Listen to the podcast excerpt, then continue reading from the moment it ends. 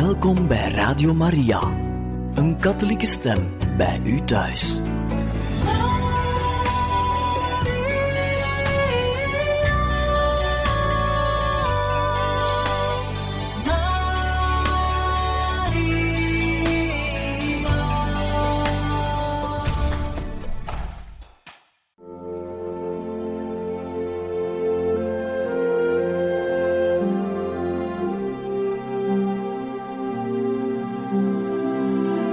Beste luisteraars van Radio Maria, welkom bij het programma Catechismus. Een overweging bij de geloofschat van de kerk.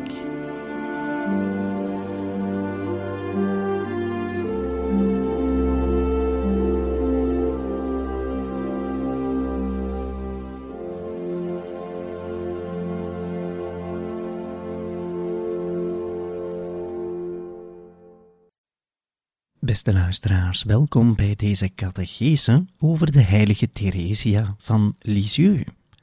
We bekijken het leven van de heilige Theresia om van daaruit ook wat te leren voor ons eigen geestelijke leven, voor ons eigen persoonlijke contact met God. Zoals Therese dat vanaf de kinderjaren reeds heeft beleefd.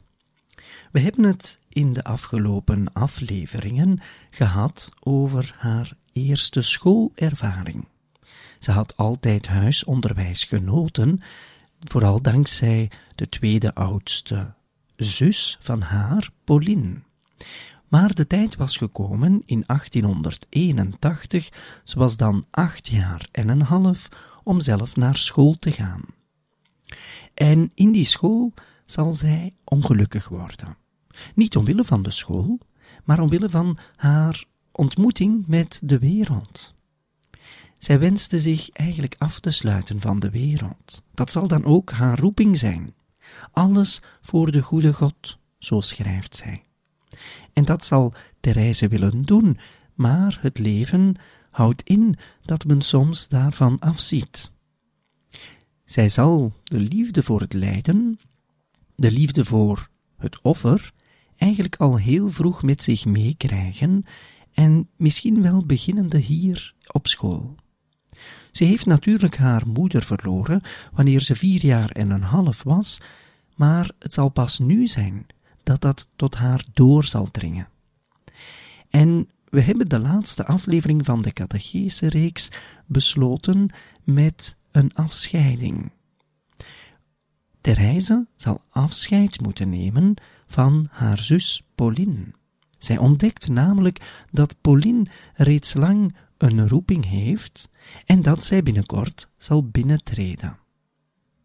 Nochtans hadden de twee zussen, Pauline en Therese, daar al over gesproken. En Pauline had toen gezegd, zoals men vlug vertelt aan een kind, dat zij voor altijd zou wachten tot Therese groot is, om dan samen weg te gaan naar het klooster. Maar de werkelijkheid was anders. Pauline ontdekt, wanneer ze twintig jaar is, haar echte roeping. Eerst dacht ze om visitandine te worden, zoals haar tante. Ze was daar zelfs op school geweest vroeger, en toen de tante nog leefde, was ze daar eigenlijk aangetrokken tot het geestelijke en religieuze leven altaar. Maar er is een bepaald moment in haar leven dat zij zeker is van haar roeping tot de karmel. Ze schrijft in haar memoires.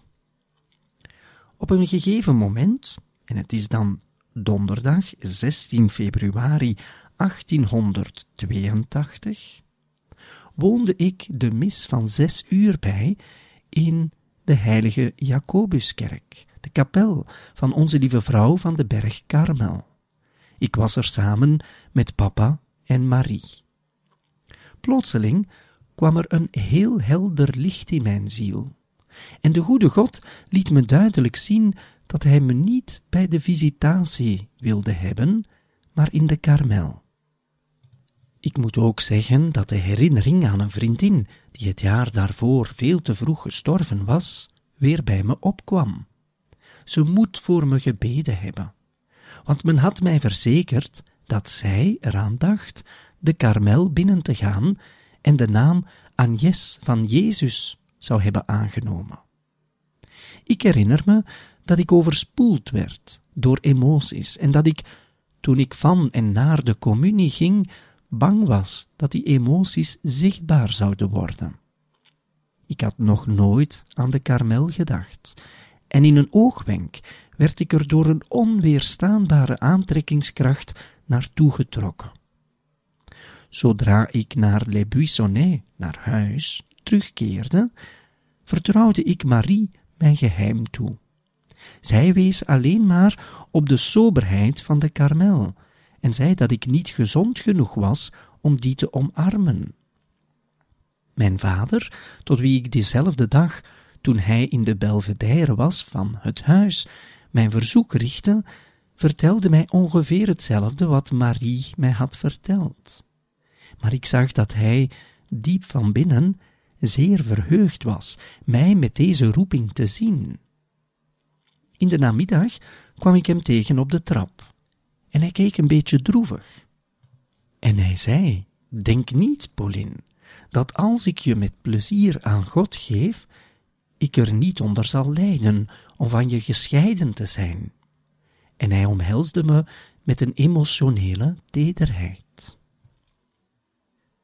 Deze passage uit de memoires van Pauline, die geschreven is wanneer ze religieuze is onder de naam Moeder Agnes van Jezus, wel toont de duidelijkheid van haar roeping en hoe onweerstaanbaar het voor Pauline moet geweest zijn om gehoor te geven aan de roepstem van God, om binnen te gaan en zich eigenlijk op te sluiten in de karmel.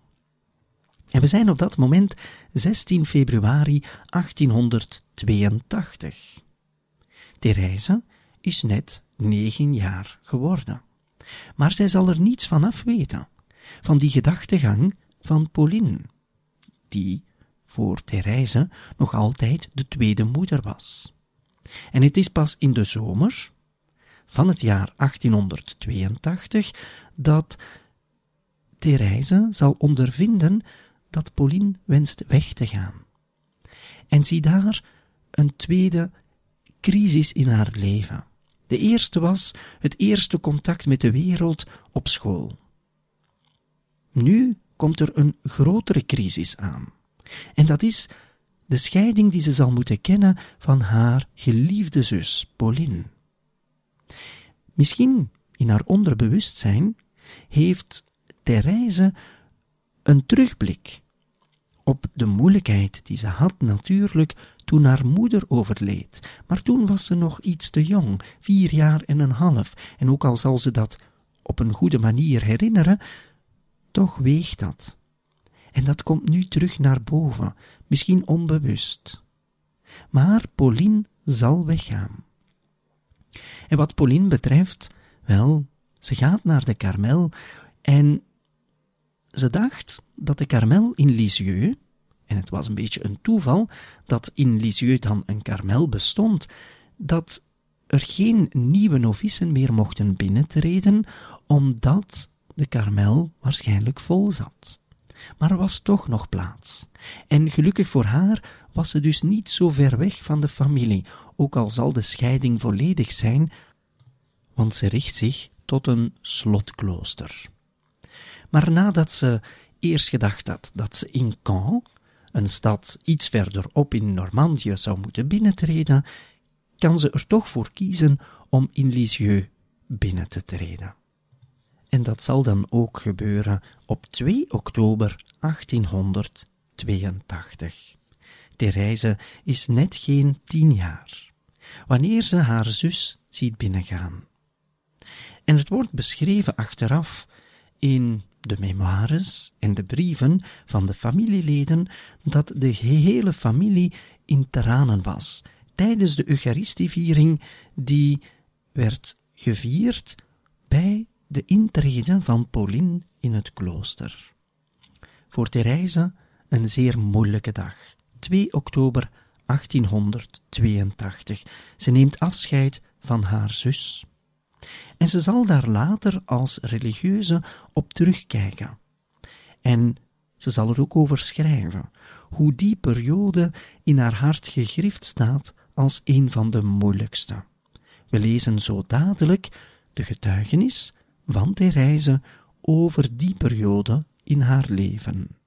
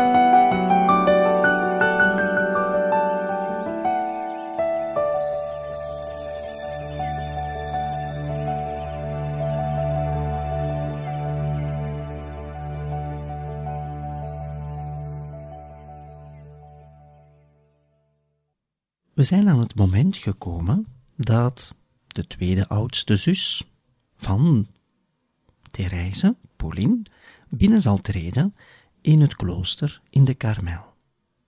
Het was een zeer moeilijk moment, we hebben het gezegd, maar wat er zeer moeilijk was voor Therese om te begrijpen, en dat toont ook aan hoe teer Therese zelf is, wel hetgeen dat haar meeste pijn heeft gedaan, is misschien nog het verzwijgen. Pauline had in haar hart besloten om de Karmel binnen te gaan vanaf 16 februari 1882. Het is pas zes maanden later dat Therese dat zal weten. En er was ook al beloofd geweest door de zus dat ze zou wachten om binnen te treden, als dat haar roeping was, tot Therese zelf ook zou kunnen binnentreden, opdat ze nooit gescheiden van elkaar zouden zijn. Die twee zaken maken het voor Therese nog moeilijker. Het toont iets van het karakter van Therese en hoe teer zij is, hoe vlug ze zich gekwetst voelt. Ze is ook zeer emotioneel en ze weent zeer vaak. In die tijd komt dat allemaal naar boven en velen zouden vandaag denken dat dat gelinkt is aan het vroegtijdig overlijden van haar moeder. Maar tegelijkertijd brengt het ook iets goeds naar boven, want Therese zal zelf kunnen inzien dat ook zij geroepen wordt om naar de Karmel te gaan. We gaan het daar zeker nog over hebben, maar nu reeds kunnen we zeggen dat voor Therese het een beslissing zal zijn voor Jezus, niet voor Pauline. Velen zouden dat kunnen denken. Ze wil haar zus volgen, die ze zo hard mist. Maar zij zal zichzelf altijd daarin verdedigen, op de eerste plaats omwille van Jezus. En we hebben dat reeds gezien in die eerste kinderjaren, ook het eerste schooljaar dat nu net voorbij is. Wel, hoe Therese altijd de stilte en de eenzaamheid opzoekt om bij Jezus te zijn. We lezen even hoe Therese deze dag, moeilijke dag, en het verlies van haar zus heeft beleefd. Ze schrijft: Ik zal er steeds aan blijven denken hoe vriendelijk u, mijn zus, mij getroost hebt. En verder hebt u mij uitgelegd wat eigenlijk het leven in de karmel was, en het leek mij heel mooi. Toen ik mij weer voor de geest haalde wat u mij allemaal vertelde, voelde ik dat de karmel de woestijn was waar de goede God wilde dat ik mij in moest gaan verbergen. Ik voelde dat met zoveel kracht dat er in mijn hart niet de minste twijfel over bestond. Het was niet een kinderdroom waar je door meegesleept wordt, maar de zekerheid van een goddelijke roepstem. Ik wilde naar de karmel gaan, niet omwille van Pauline, maar alleen om Jezus. Ik dacht na over dingen die zich niet met woorden laten uitdrukken, maar die een grote vrede achterlieten in mijn ziel. Zo beschrijft Therese dus eigenlijk haar eigen roeping. Door het zien van haar zus die binnentreedt in de karmel, voelt zij zich geroepen, niet omwille van die zus, Pauline, maar, zo zegt ze zelf, omwille van Jezus. Maar de bevestiging van haar roeping zal het lijden niet wegnemen. De bezoeken die de familie mocht brengen aan de dochter die in het klooster was, eens per week, waren eigenlijk heel moeilijk. Het was vaak in tranen dat Therese zich naar haar zus keerde, achter de tralies, verborgen voor haar. Therese voelt de scheiding, en dat doet denken aan de scheiding van de moeder. En nu zal zij voor de rest van haar opvoeding, van haar opleiding, zal zij moeten rekenen op de hulp van de andere zus, Marie. Natuurlijk zal ze die zus ook beminnen, maar de relatie lag moeilijker. Marie was wat harder, een beetje ruwer, zal sneller een keer kritiek geven. En voor Therese, die zeer emotioneel is, ligt dat moeilijk. Maar Marie wordt, zonder gekozen te zijn, eigenlijk de derde moeder. De eerste, de echte moeder, gestorven, de tweede is nu weg in het klooster, Marie zal nu moeten volgen. En in de briefwisseling die Therese heeft met haar zus Pauline in het klooster, toont aan dat het soms moeilijk ligt. Nochtans zal Pauline aan Therese altijd vragen om goed gehoorzaam te zijn, om goed te luisteren, om flink te zijn en op te groeien, om zo haar roeping te kunnen waarmaken, om ook op haar tijd binnen te kunnen treden in de karmel. Want ook in de karmel van Lisieux zijn ze al op de hoogte dat Therese zich geroepen voelt.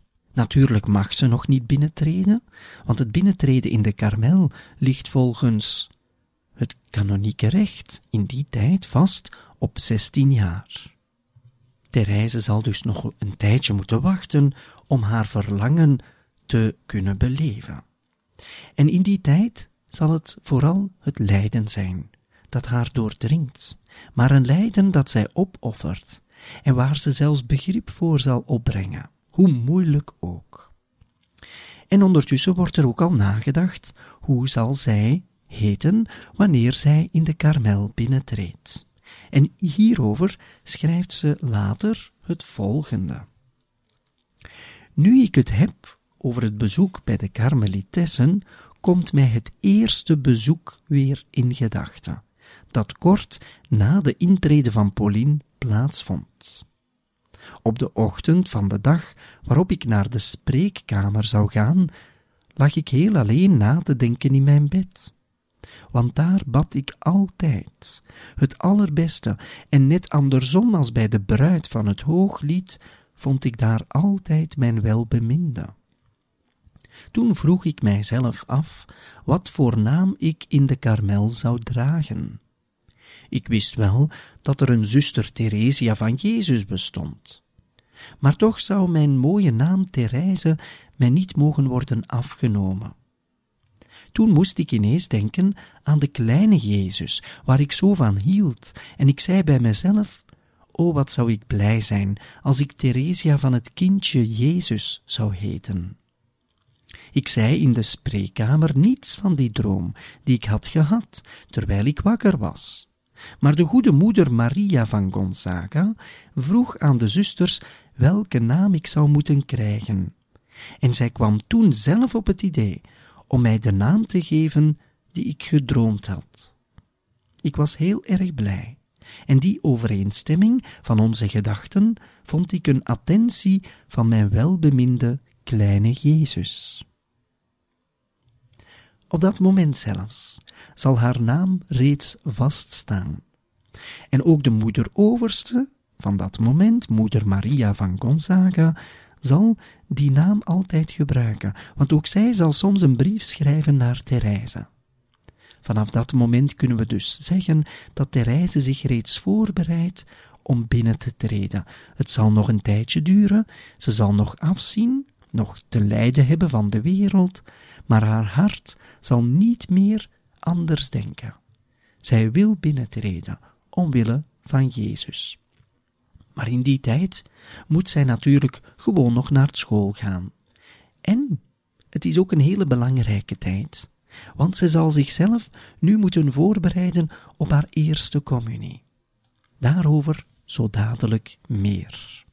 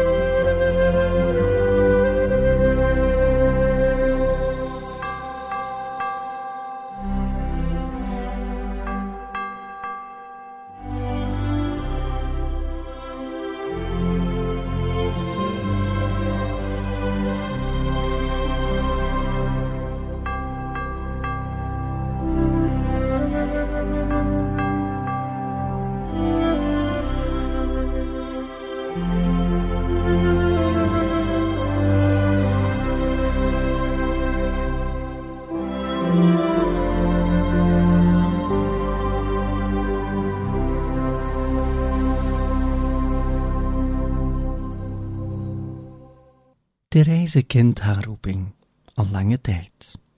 Maar ze moet natuurlijk nog verder met haar opleiding op school. En het is nu de zus, Marie, de oudste zus, die eigenlijk degene is die de moeder speelt voor haar. Het is ook aan zus Marie dat Therese haar rapport zal laten zien en de toetsen bespreken die zij op school heeft. En het blijft hetzelfde. Therese doet het goed op school. Het is soms wat moeilijk om zonder fouten te schrijven.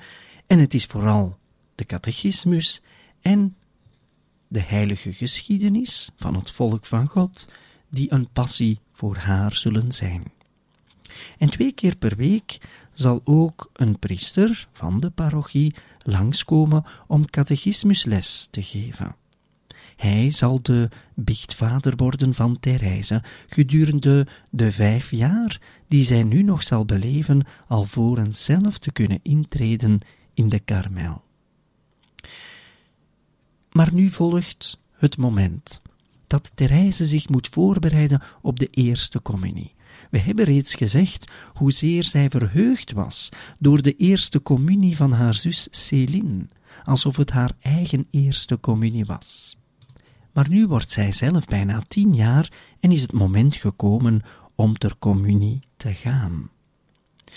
Maar in het bisdom Bayeux-Lisieux was enkele jaren tevoren een besluit genomen om de eerste communie zo lang mogelijk uit te stellen.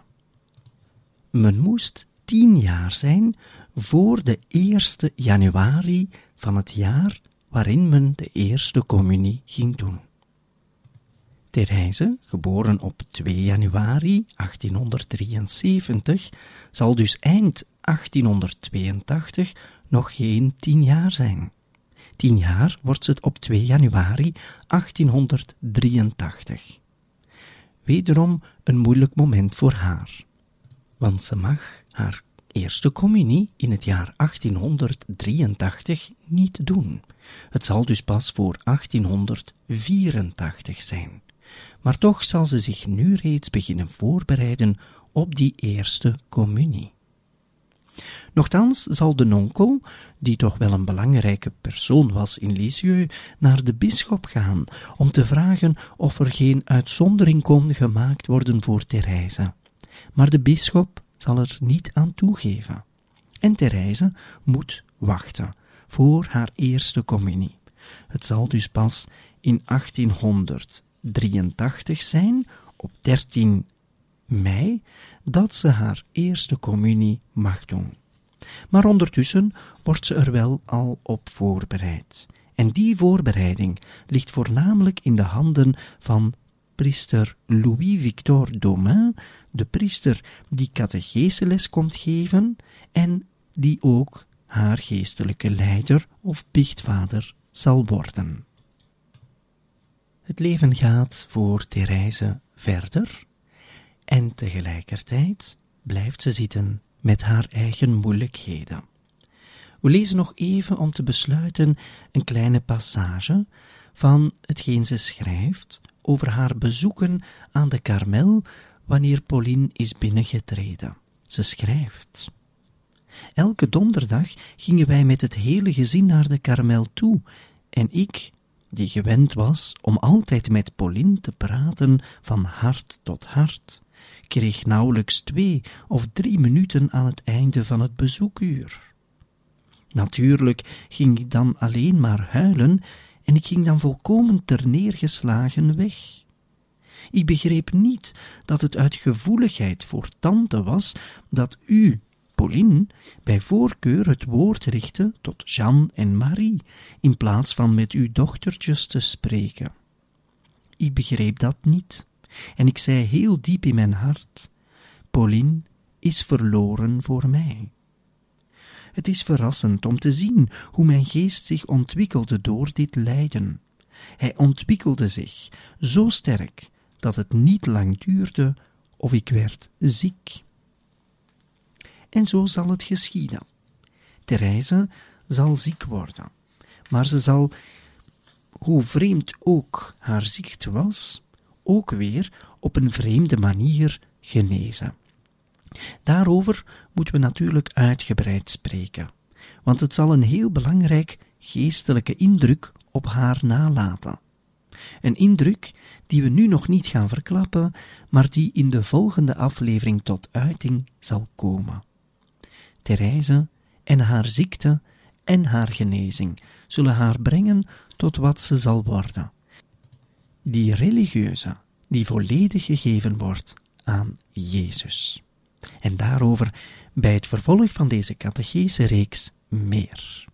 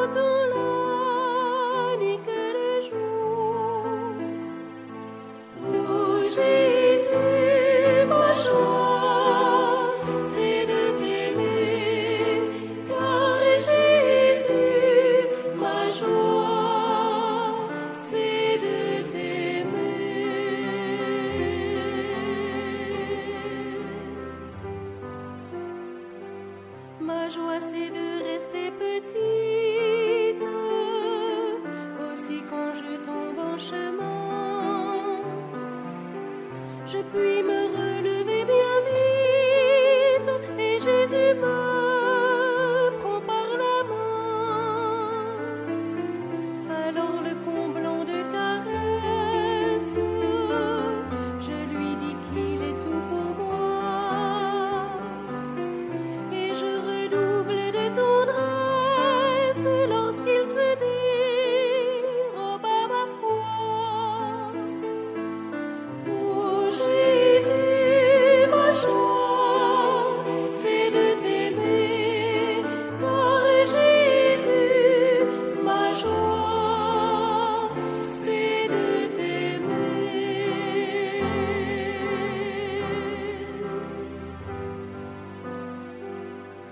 parfois je verse des